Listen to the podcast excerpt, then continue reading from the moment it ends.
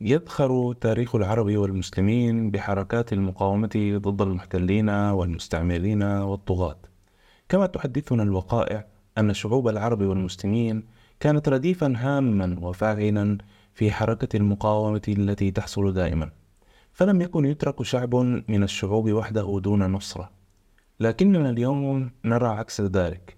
مقاومة تقاتل المحتل ويهدر طوفانها في الأرجاء لكنها فقدت النصرة من الأقرباء بل وزادوا إمعانا بالحصار والمشاركة بالعدوان واكتفى قادة العرب والمسلمين في قمتهم بالشجب والإدانة والاستنكار بينما هرعت دول الغرب الحليفة للاحتلال بإمداده بمليارات الدولارات من الأموال والسلاح إذا كان تاريخنا وحاضرنا كعرب ومسلمين مليء بهذا الكم والنوع من المقاومة فلماذا نرى هذا التخاذل اليوم؟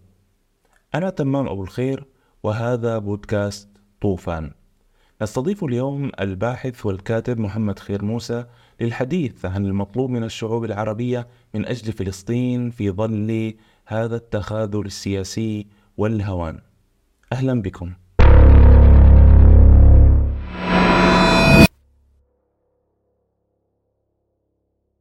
أهلا بك أستاذنا محمد خير. حياك الله في بودكاست طوفان. يا مرحبا بك. أستاذنا يتساءل الكثيرون أن تاريخ العرب والمسلمين مليء أتحدث هنا عن المعاصر لا أتحدث عن الفتوحات والمعارك الكبرى المفصلية في التاريخ الإسلامي. أتحدث عن تاريخنا المعاصر عن الحركات المقاومة التي ملأت العالم العربي ضد الاستعمار ضد الطغيان ضد الاحتلال. أه كيف أثرت هذه الحركات بوجود حركات المقاومة في فلسطين؟ هل هي امتداد لها؟ ما هو التأثير الذي أه أه عملته من أجل أن أن يكون هنالك مقاومة حقيقية في فلسطين ضد الاحتلال الإسرائيلي؟ نعلم عن مقاومة الخطابي مقاومة الجزائر المقاومة المستعمر الفرنسي في سوريا وكذلك الكثير يعني في آه، التاريخ مليء بهذا الأمر. آه، بسم الله الرحمن الرحيم. الحمد لله والصلاة والسلام على سيدنا رسول الله وعلى آله وصحبه ومن والاه. أما بعد آه، فشكرا لكم في بودكاست طوفان على هذه الاستضافة وهذه الفرصة الطيبة. عندما نتحدث عن المقاومة مقاومة الشعوب لمستعمرها وجلادها ومن يمارس الاحتلال عليها ومن يمارس الاستبداد فنحن لا نتحدث عن مجرد تجارب بشرية آه، تم تمت الاستفادة فيها من الأفكار. أبدا نحن نتحدث ابتداء عن فطرة إنسانية. الإنسان مفطور على أن يكون حرا. وهذا تماما هو معنى قول سيدنا عمر رضي الله عنه وأرضاه الذي يملأ الآفاق ويتردد صداه إلى اليوم متى استعبدتم الناس وقد ولدتهم أمهاتهم أحرارا؟ فالحرية فطرة بشرية أن يولد الإنسان حرا ومن فطرة الإنسان أن يرفض الظلم من فطرة الإنسان أن يرفض الخضوع من فطرة الإنسان. بعد ذلك عندما تتشوه الفطرة البشرية يصبح الإنسان قابلا للاستبداد وهذا الذي تكلم عنه آه، مالك بن نبي في فكرة القابلية للاستعمار أن الخطورة ليست في الاستعمار بحد ذاته وإنما في القابلية للاستعمار. فلذلك وجود المقاومة في أي بلد من البلدان آه، في العالم كله ضد المحتل هو فطرة إنسانية لذلك نجد أن هذا شيء آه، آه، في كل شعوب الأرض آه، مسلمها وكافرها مؤمنها وملحدها كل هذه الشعوب تواجه من يمارس عليها الظلم والاضطهاد والاستبداد والاحتلال. ما يزيد الأمة الإسلامية والمسلمين أنهم يحملون في قلوبهم اعتقادا إضافيا وهو أن الدفاع وأن تطبيق هذه الفطرة في الدفاع عن النفس في انتزاع الحقوق أنه أيضا آه، هو واجب شرعي أمر الله تبارك وتعالى به بل جعله ذروة سنام الإسلام وأعلى درجة من مراتب الإيمان فهو يمارس فيه الجهاد في سبيل الله تبارك وتعالى. وهذا أدى إلى أن يصبح المسلم مقبلا على الموت فداء لدينه وفداء لحقه ودفاعا عن نفسه يستعذب ذلك لأنه يعلم أنه بهذه الفطرة التي يمارسها أيضا يحقق رضا الله تبارك وتعالى وينال الجنة.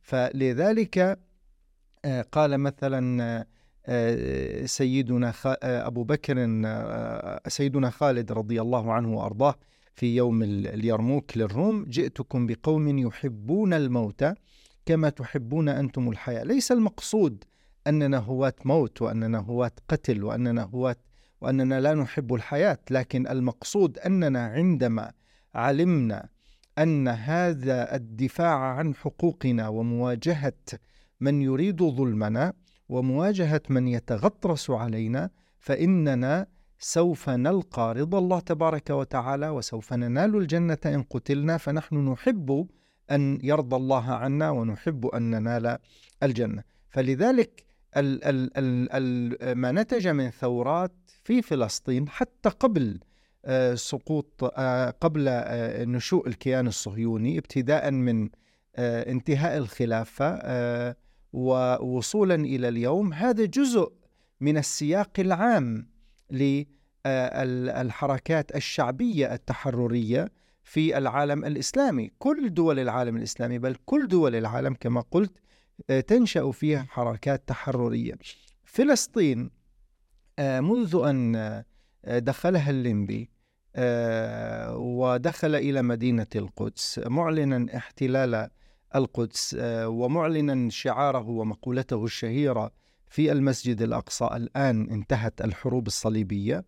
هذا من منذ تلك اللحظة إلى اليوم والشعب الفلسطيني ينتقل من طور إلى طور. كل هذه الأطوار هي أطوار في مقاومة هذا المحتل بأشكال مختلفة بصور مختلفة بثورات متعددة وبطرق كلها آه، تندرج في إطار الدفاع عن النفس والبحث عن انتزاع الحقوق. من الطبيعي جدا أن الثورة في فلسطين تستفيد من شقيقاتها من ثورات البلدان الإسلامية وكذلك ثورات البلدان الإسلامية تستفيد من الثورة لأنه المنطق يقول إن نفس الرجال يحيي الرجال، الإنسان يقوى بمثل هذه التجارب و آه، ما نشهده اليوم في معركة في غزة ما يرعب الطغاة والمستبدين منها وما يرعب يعني المحتلين والمتغطرسين في العالم الغربي. ما يرعبهم حقيقة هو أن تتحول هذه الثورة إلى أو أن تتحول هذه المقاومة في غزة آه، إلى النموذج الذي يتم تعميمه ويتم استلهامه من شعوب المنطقة ويتم استلهامه من الشعوب التي تتوق للتحرر من سجانها ومحتليها والمستبدين الجاثمين على صدورها.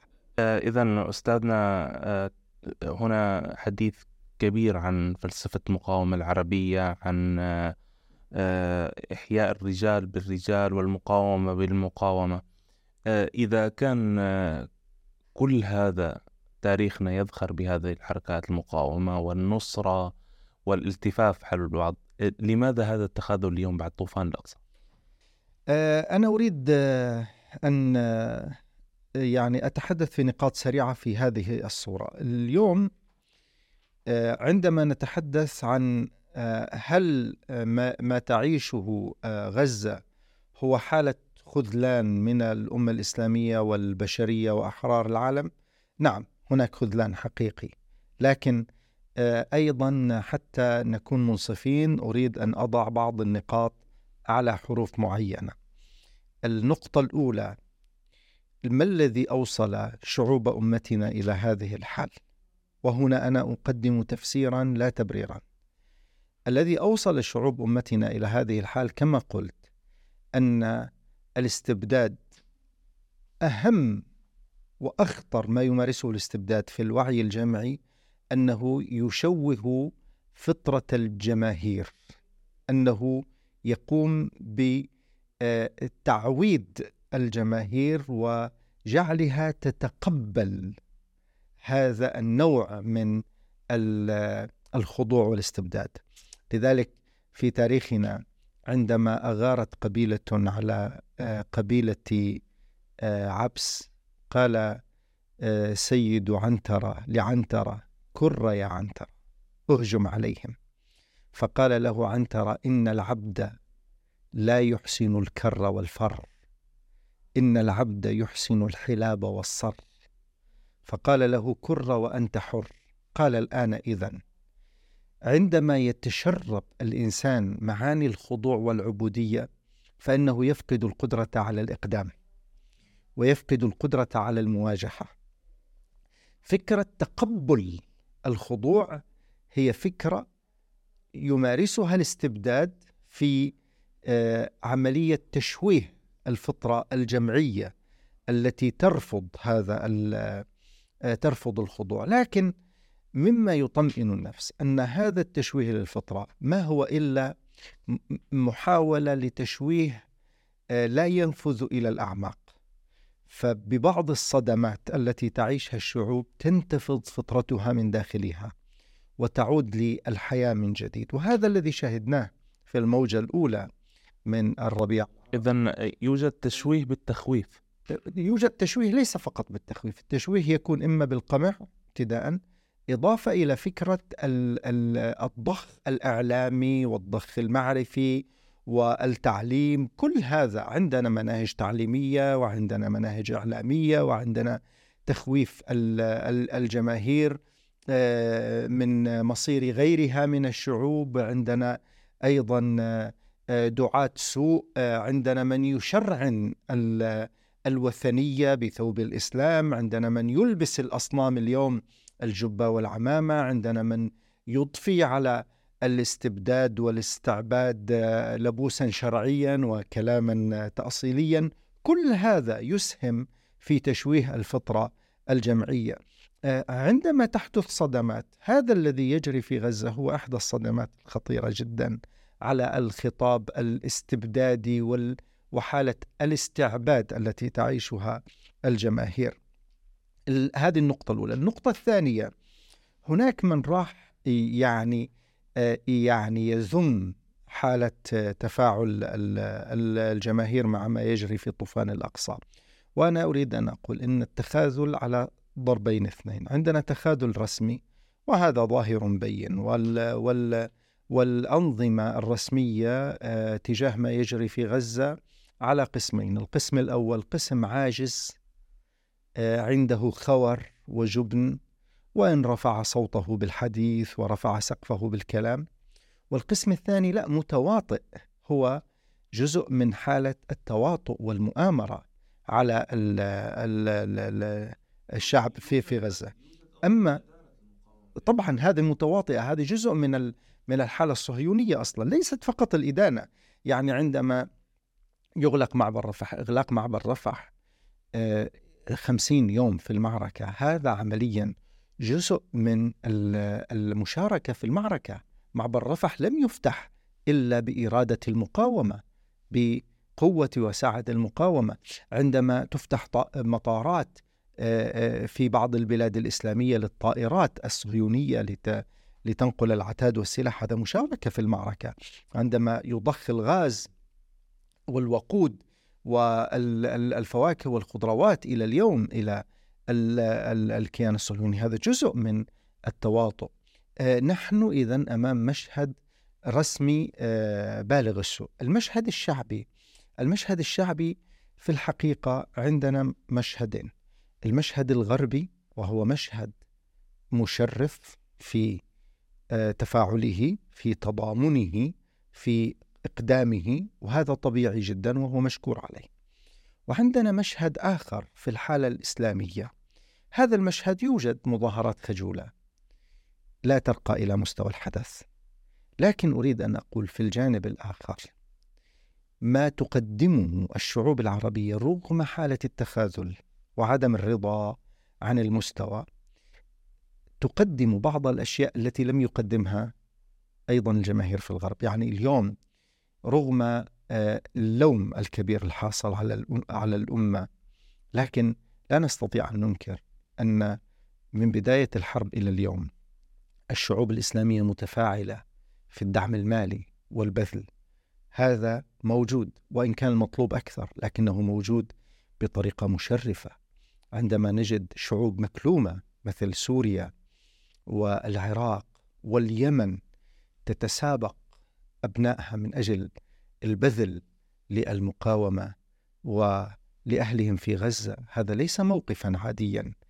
اليوم الأمة كلها شعوب الأمة كلها بلا استثناء تبذل الكثير من الدعم المالي والجهاد بالمال. أيضا هناك حالة من آه، كفالات الأيتام التعهد بإعمار. أنا أقول بأن الأمة ما تزال ما يزال فيها خير عظيم وما يزال فيها خير كبير لكنها تعاني من استبداد قاسي من جهة وتعاني أيضا من آه، آه، محاربة عالمية تحت عنوان مكافحة الإرهاب وتجفيف المنابع ومع ذلك الشعوب الأمة تبذل. ما تقدمه إلى الآن ليس هو المرجو لكن ما تقدمه مهم وعظيم ومشكور عليه ومأجور عليه ونقول بأن هذا مما نحتاج أن أن يتضاعف ونحتاج أن يزيد. طبعا آه، كل هذا آه، لا يعني أننا لا أن أهل غزة لا يشعرون بتخاذل الأمة طبعا يشعرون بتخاذلها وهذا لا ينبغي أن يكون سببا في الشعور بالإحباط وأن لأن لأن يكون دافعا لمزيد من لأن المزيد من البذل لأن المطلوب هو أكثر بكثير يعني حالة غزة اليوم حالة مأساوية كما كانت حالة سوريا حالة اليمن حالة مأساوية جدا بأرقام شهداء آه، يعني فظيعة بالنسبة للأيام لدينا 15 ألف شهيد يعني آه، عشرين ألف شهيد ثمانية ألاف منهم من الأطفال. يعني المطلوب من الأمة حالة يعني مشكورة كما قلت على البذل المادي ولكن هل البذل المادي هو كل شيء؟ دعني أقول لك. يا أخي تمام. هذه النقطة الجوهرية. أن المطلوب من الأمة اليوم ليس فقط أن تغيث غزة ماديا وإن كان هذا على آه، قائمة أولويات الدعم والبذل والواجبات لكن المطلوب من الأمة اليوم أن تدافع عن نفسها. في مواجهة المشروع الصهيوني من خلال دعم صمود أهل غزة. علينا أن نكون موقنين أن المقاومة في غزة، المجاهدين في غزة، الشعب الثابت الصابر المجاهد المرابط في غزة اليوم لا يدافع عن غزة أبدا وحدها، وإنما يدافع عن كل حواضر الأمة الإسلامية. فأي أحد يساهم في تثبيت هذا الشعب المجاهد المصابر فهو يدافع عن نفسه. اليوم السوري الذي يدعم أهل غزة هو يدافع عن سوريا. الإندونيسي الذي يدعم أهل غزة يدافع عن إندونيسيا. القطري الذي يدعم أهل غزة يدافع عن قطر. السعودي الذي يدعم أهل غزة يدافع عن السعودية. المغربي الذي يدعم أهل غزة يدافع عن المغرب. اليوم المجاهدون في غزة أنا أقول وأنا أشعر أنني لا أبالغ البتة. هم لا يذودون ولا يدافعون عن المسجد الأقصى المبارك فقط. هم يدافعون عن المسجد الحرام ويدافعون عن المسجد النبوي ويدافعون عن كل حواضر الأمة. يدافعون عن إسطنبول ويدافعون عن بغداد ويدافعون عن دمشق وعن القاهرة وعن الرياض وعن الدوحة وعن صنعاء وعن الكويت وعن جاكرتا وعن طنجة وعن كل هذه المدن والدول الإسلامية. فأن أن يدافع عن المشروع نحن اليوم أمام حرب عالمية تتدخل فيها أمريكا وفرنسا وألمانيا والدول الأوروبية وبريطانيا بجسور جوية من السلاح مع الكيان الصهيوني الذي يعد قوة نووية في مواجهة شباب يمثلون مشروعا مجاهدا مشروعا جهاديا. هو النموذج الأسمى والأرقى في المشاريع القائمة في الأمة اليوم. هذا المشروع هو المستهدف.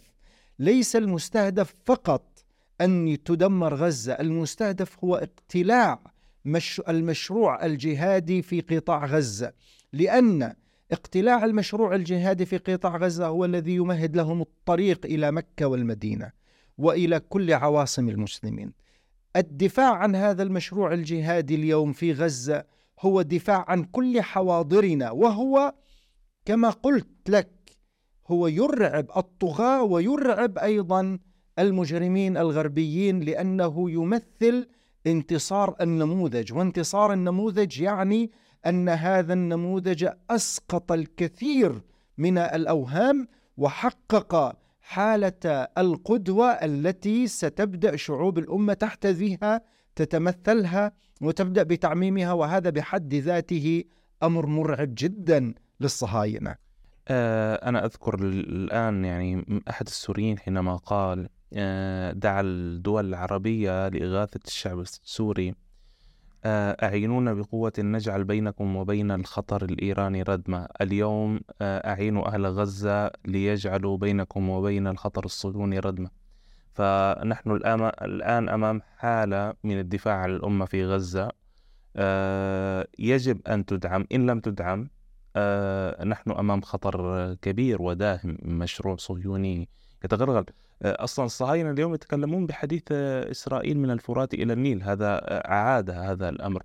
لا سمح الله يعني نحن نتحدث عن حرب والحرب في نهايتها إما نصر وإما هزيمة. هذه وقائع. فيما لو تم كسر المقاومة وكسر شأفة غزة في في في هذه الحرب أين تظن أن آه، آه، أحجار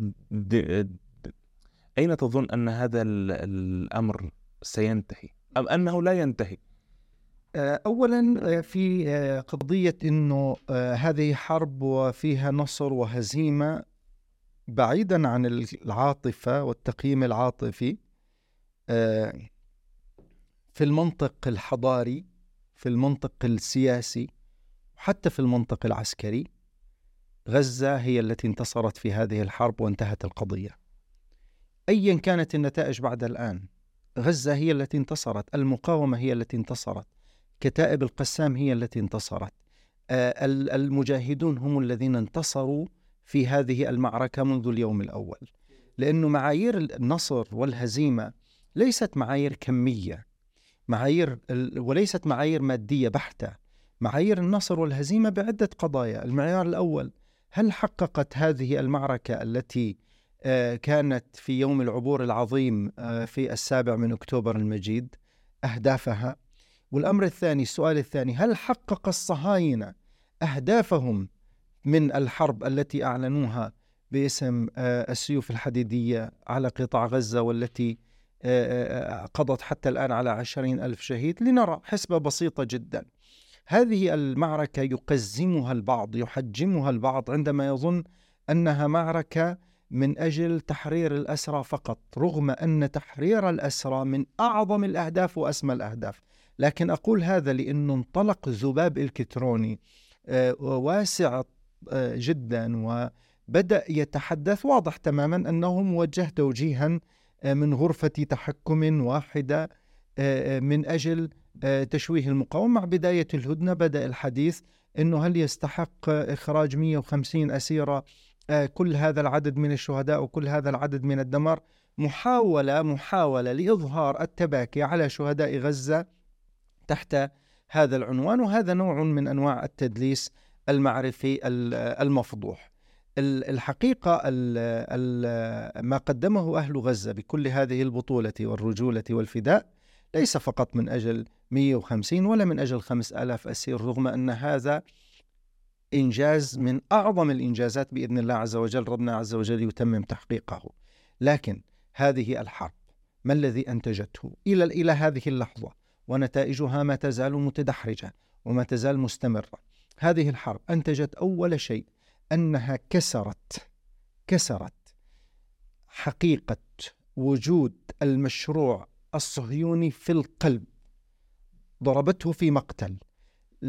قادة الكيان الصهيوني منذ بداية نشأة الكيان الصهيوني إلى اليوم لم يتحدثوا على مدار خمسين يوما عن فكرة وجود إسرائيل وعن أن الخطر يتهدد وجود إسرائيل كما تحدثوا خلال هذه الحرب. اليوم إسرائيل تعيش خطرا وجوديا حقيقيا الكيان الصهيوني يعيش خطرا وجوديا حقيقيا وهذا لم يحدث في التاريخ كله. ال ال الأمر الثاني أن تمرر أنف هذا الكيان لدرجة أنه تستدعى كل دول العالم من بايدن إلى ماكرون إلى رئيس وزراء بريطانيا إلى ألمانيا إلى من أجل أن يجعلوا آه، آه، تل أبيب محجا لهم ويقفوا مع نتنياهو. هذا بحد ذاته هدف ليس هدفا سهلا أن يصل إلى الأمة أن هذه إسرائيل كيان هش أن تحطم هذه الأسطورة في أذهان وفي نفوس الشعب الصهيوني قبل أن تحطم في, في, في نفوس أبناء الأمة. آه، حقيقة الردع معادلة الردع التي تغيرت تماما كانت معادلة الردع هناك يعني مجرد التفكير بأن يقتل جندي صهيوني أو بمجموعة من الجنود الصهاينة آه، يقابل بكل آه، هذا. نحن اليوم نحن نتحدث عن آلاف من الصهاينة الذين قتلوا نحن نتحدث عن آه، تل أبيب التي أصبحت ملطشة للصواريخ المجاهدين. أصبحنا نتحدث عن حالة من الرعب المستمر على مدار خمسين يوما. نحن نتحدث عن يعني تغيير في الموازين كلها في ميزان القوة وفي ميزان الرعب وفي ميزان آه، الأمر الثالث ما حققته غزة من إعادة تموضع قضية فلسطين في آه، العالم كله اليوم كل ملفات قضية فلسطين مطروحة على الطاولة ليست قضية الأسرى فقط بل قضية التحرير. لأول مرة نسمع شعارات في واشنطن وفي لندن وفي آه، مدريد وفي برشلونة تح أن فلسطين من النهر إلى البحر. آه، كانت فلسطين في أذهان حتى العالم كله هي مجرد الضفة وغزة. أعادت تموضع لكنه أصبح ممنوعا لأنه أصبح مرعبا. لأنه لأنه هذه المعركة أعادت تموضع القضية الفلسطينية بكل ملفاتها بتحرير فلسطين والمسجد الأقصى وقضية اللاجئين قضية الأسرى قضية الأسيرات كل كل القضايا وقضية حصار غزة كل هذا يستحق هذه التضحيات وهذه التضحيات سيكون ثمنها كبير وغالي بإذن الله تبارك وتعالى. فضلا عن أننا نعتقد أن هذا النصر العظيم الذي يتحقق. عندما نتحدث عن إنهيار النموذج الحضاري الغربي هذا النموذج الذي انهار اليوم انهيارا حقيقيا من هل رأيت في في في كل العقود السابقة فترة مرت فيها أوروبا في القمع للحريات والقمع للصحافة والقمع للإعلام وحالة البلطجة الإعلامية بحق كل من يخالفها كما تمر في هذه الفترة. كل شعارات الحرية وكل شعارات الديمقراطية كل هذا النموذج الصنمي بدأ ينهار اليوم. نحن في في هذه المعركة آه، تحقق في هذه المعركة في هذا الطوفان تحقق من التغيير المفاهيمي ومن التغيير الفكري ومن التغيير السياسي ومن التغيير العسكري ما آه، لم يتحقق خلال سبعين سنة. على مستوى قضية فلسطين وعلى مستوى الحالة الإسلامية والإنسانية. كل هذه النتائج بالمقابل الذي يعلن الذي أعلن عنه الكيان الصهيوني أنه يريد أن يحقق ثلاث أمور. أنه يريد أن يقضي على يقتلع حركة حماس وكتائب القسام يريد أن يعيد احتلال غزة يريد أن أن يوقف يريد أن يوجد يوجد سلطة جديدة في غزة. هذه هذه ال ال ال الأهداف الثلاثة لم يتحقق منها شيء إلى الآن. حتى الشمال الذي يعلن الصهاينة أنهم هم مسيطرون عليه إلى الآن الصواريخ تصل إلى تل أبيب. لم يحققوا شيئا. اليوم الصحافة الصهيونية تتساءل بكل وضوح ماذا نفعل في غزة؟ ما الذي نفعله في غزة؟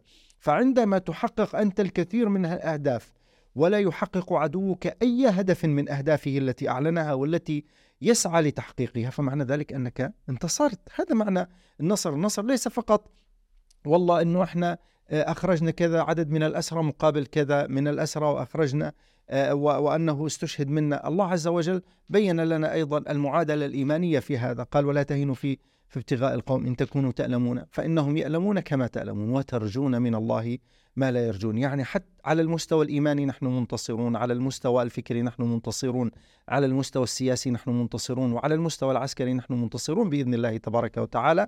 وربنا عز وجل يتمم هذا النصر. آه، تماما أستاذنا. آه، إذا كما قلت انتصرت غزة. آه، نحن أمام سيناريوهات عديدة الآن بغض النظر عن النتائج التي قلت أنها يعني هي غالية فعلا نتائج غالية. لننتقل الآن إن إلى الانتصار وما بعد انتصار غزة بالنسبة لهذه الدول العربية. كما أتى طوفان الأقصى نتيجة لممارسات إسرائيلية.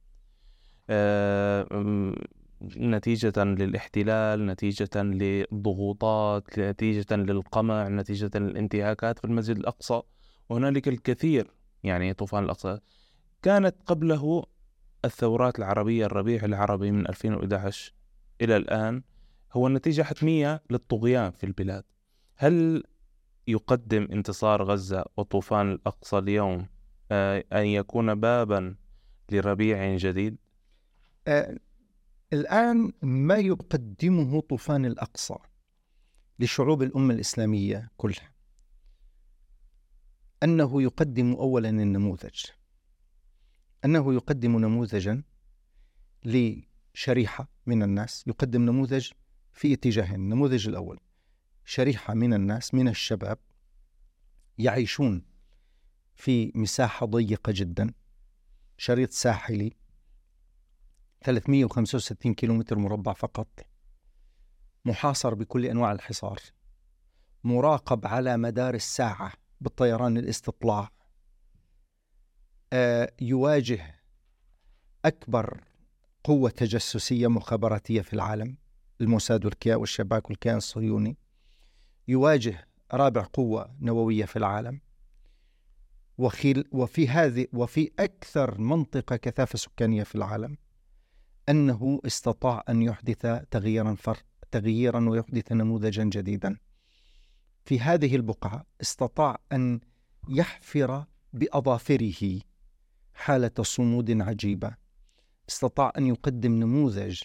هذا النموذج هؤلاء الشباب تدربوا صنعوا أسلحتهم آه، استوردوا خبرات آه، شقوا طريقهم في الصخر حفروا الأنفاق بأيديهم استطاعوا أن يطوروا الصواريخ من 2 كيلومتر اليوم إلى 265 كيلومتر وأكثر.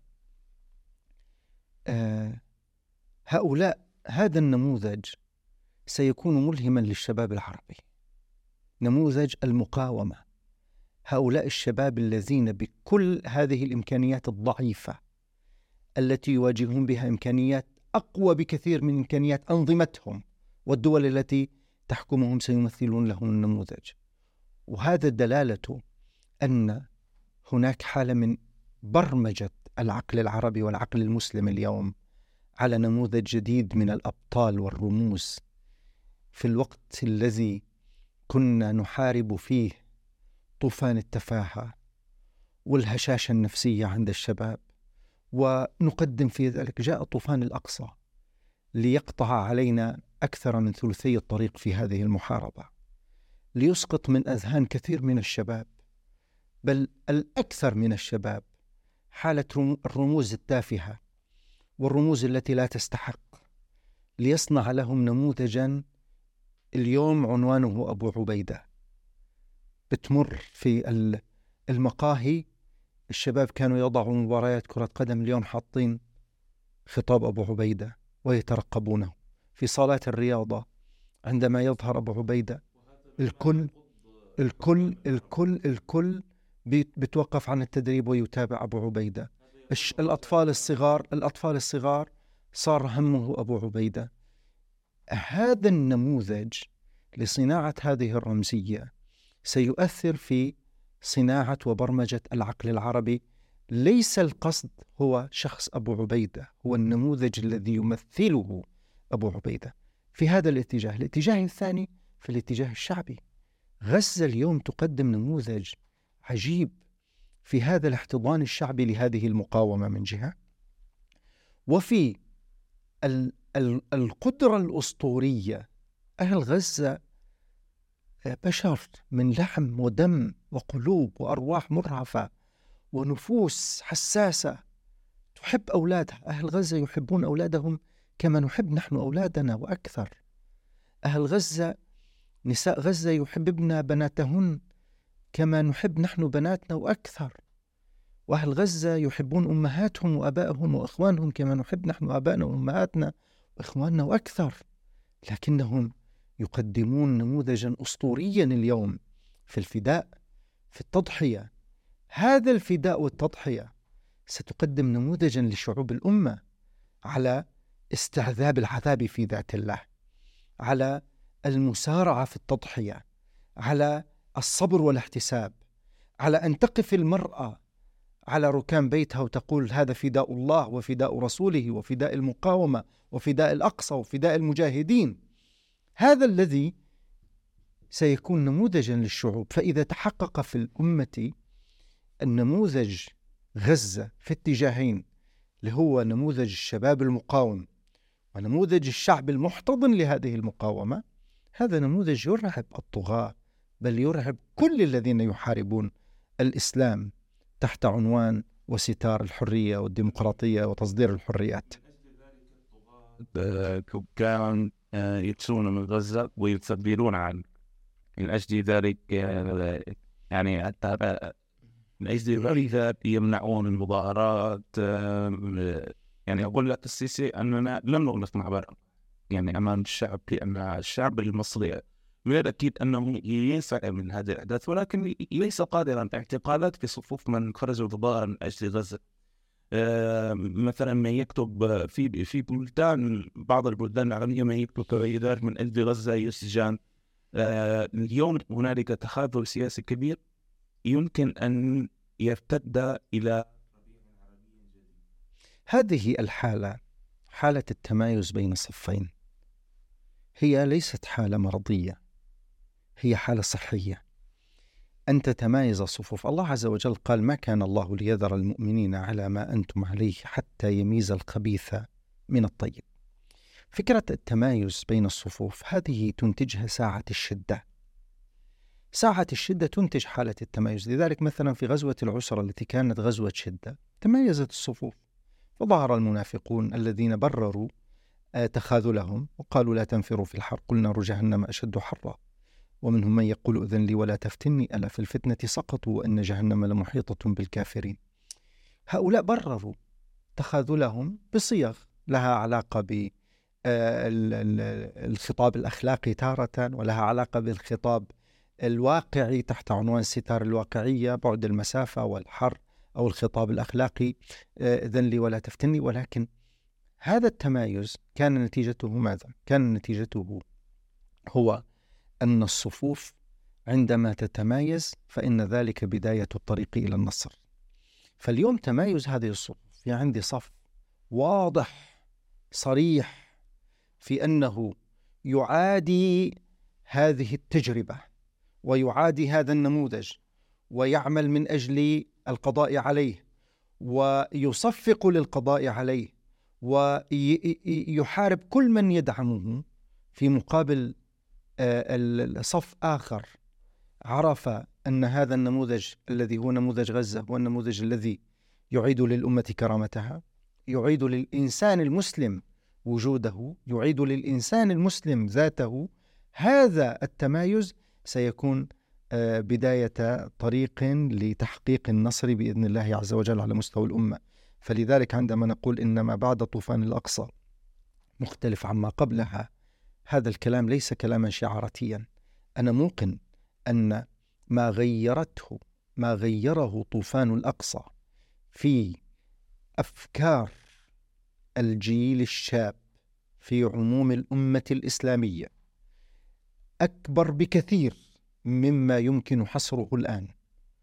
والآن بسبب حالة التفاعل مع الحدث لا يمكن قياسه بدقة لكن عندما تستوي سفينة آه سفينة غزة ومن ركب فيها على جدي النصر بإذن الله تبارك وتعالى سنرى بأم أعيننا كيف يكون التغيير. لكن تقول عن جيل آه، أن طوفان الأقصى يغير الجيل ولكن هنالك جيل يرقص في مواسم الرقص وال والسفور. هذا الذي قلناه أنه حالة التمايز المستبد حريص جدا يعني ما ما يجري في مو ما جرى في موسم الرياض على سبيل المثال. هو شيء مراد من أجل إثبات أن هذه الشعوب ليست منتمية. لكن صدقني أن هؤلاء الذين رقصوا في موسم الرياض لا تحسبوه شرا لكم بل هو خير لكم.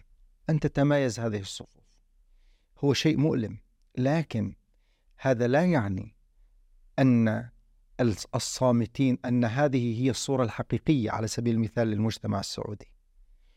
كن موقنا أن هذه الصورة التي رأيناها في موسم الرياض ليست فقط الصورة الشاذة بل هي الصورة الأكثر شذوذا وهي الصورة التي يريد الاستبداد أن يجعلها الصورة الرئيسية للمجتمع السعودي. لكن ما كما أن طوفان الأقصى كنس كنس الهيمنة الصهيونية. كما أن طوفان الأقصى جرف نظرية الردع الصهيونية. كما أن طوفان الأقصى جرف نظرية الجيش الذي لا يقهر. سيجرف معه هذه الغثائية الزبدية التي ستكون فقط على سطح آه، الماء. أما ما ينفع الناس فهو الذي سيبقى ماكثا وشعوبنا بإذن الله عز وجل. ما هو قادم لها أعظم بكثير مما يعني موسم الرياض عدم إلغائه كان مقصودا لترسيخ أن هذا هو الجيل. طبعا هو يراد أن يقال أن هذا هو الجيل الذي يعيش يريد السلام يريد الحب يريد أن يرقص يريد أن يعيش بينما الجيل الذي في غزة يريد أن يموت معادلة الموت والحياة فلسفة الموت والحياة. بينما نحن نعتقد أن فلسفة الموت والحياة أن الإنسان لا يمكن أن يكون حيا إلا إذا عاش حياته آه، وهو يعرف المعنى منها ويعرف المغزى ويعرف الجدوى. الذي يقاوم في غزة وعمره عشرين سنة عرف معنى وجوده وعرف غاية وجوده وعرف الجدوى من وجوده. والإنسان عندما يعيش معنى وجوده ويدرك غاية وجوده فإنه يعيش حياة كاملة ولو كان عمره عشرين سنة. أما من يجهل غاية وجوده ويجهل المغزى والمعنى من وجوده فإنه لا يعيش حياة حقيقية ولو كان عمره مئة سنة. هؤلاء الذين في غزة يصنعون اليوم مفهوم الحياة الحقيقية التي تقدم للأجيال والتي تقدم. لذلك نرى أن عامة شباب الأمة ينظرون بازدراء هؤلاء الراقصين والتافهين الذين يظنون أنهم يعيشون بينما ينظرون إلى هؤلاء الشباب الذين يحملون أرواحهم على أكفهم بأنهم يقدمون الحياة الحقيقية لهم وللأمة على المستوى الفردي وعلى المستوى تمام أستاذنا. آه اليوم بعد طوفان الأقصى آه تحدثنا عن الكثير من الأمور ولكن هنالك أمور تكشفت. آه عوار دول الطوق وحدة الساحات آه، آه، بشار الأسد يخاطب بأنه آه، يجب عدم السماح لإسرائيل بقتل الأبرياء. يعني هذه الأمور السيسي يقول أنه يجب فك الحصار عن غزة. من, يجب من الذي يجب أن يفك الحصار عن غزة؟ هذه الأشياء التي تكشفت إلى مدى إلى أي مدى سيتم تكشف الأشياء من بعد طوفان الأقصى؟ كيف كشف عوار الأشياء؟ معركة طوفان الأقصى يمكن أن نسميها بكل بساطة هي المعركة الكاشفة هي المعركة الفاضحة. آه، هي تماما مثل سورة البراءة مثل آه، هي تماما مثل سورة التوبة سورة براءة التي كانت تسمى الكاشفة والفاضحة لأنها كشفت أصناف الناس وكشفت معادن الناس. وهذه المعركة آه، بكل بساطة وبكل وضوح. هذه المعركة آه، كما قلت هي معركة تمايز الصفوف. هذا وتمايز الصفوف فيه خير عظيم. والله تبارك وتعالى قال ما كان الله ليذر المؤمنين على ما أنتم عليه حتى يميز الخبيث من الطيب. في تمايز الصفوف نحن نعيش حالة من إدراك الحقائق ونعيش حالة من ترسيخ الحقائق ونعيش حالة من تجسيد الحقائق. فعندما ترسخ تكتشف الحقائق وترسخ في أذهان الناس هذا خير عظيم. في النهاية كل من يركب سفينة طوفان الأقصى كل من يركب هذه السفينة سفينة غزة في النهاية آه، سيكون بسم الله مجراه ومرساه.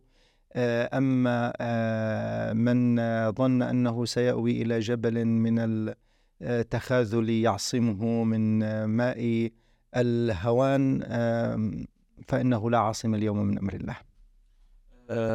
نختم أه أستاذنا لقاء شيق جدا والكثير من الأمور يمكن أن نتحدث عنها ولكن ضيق الوقت.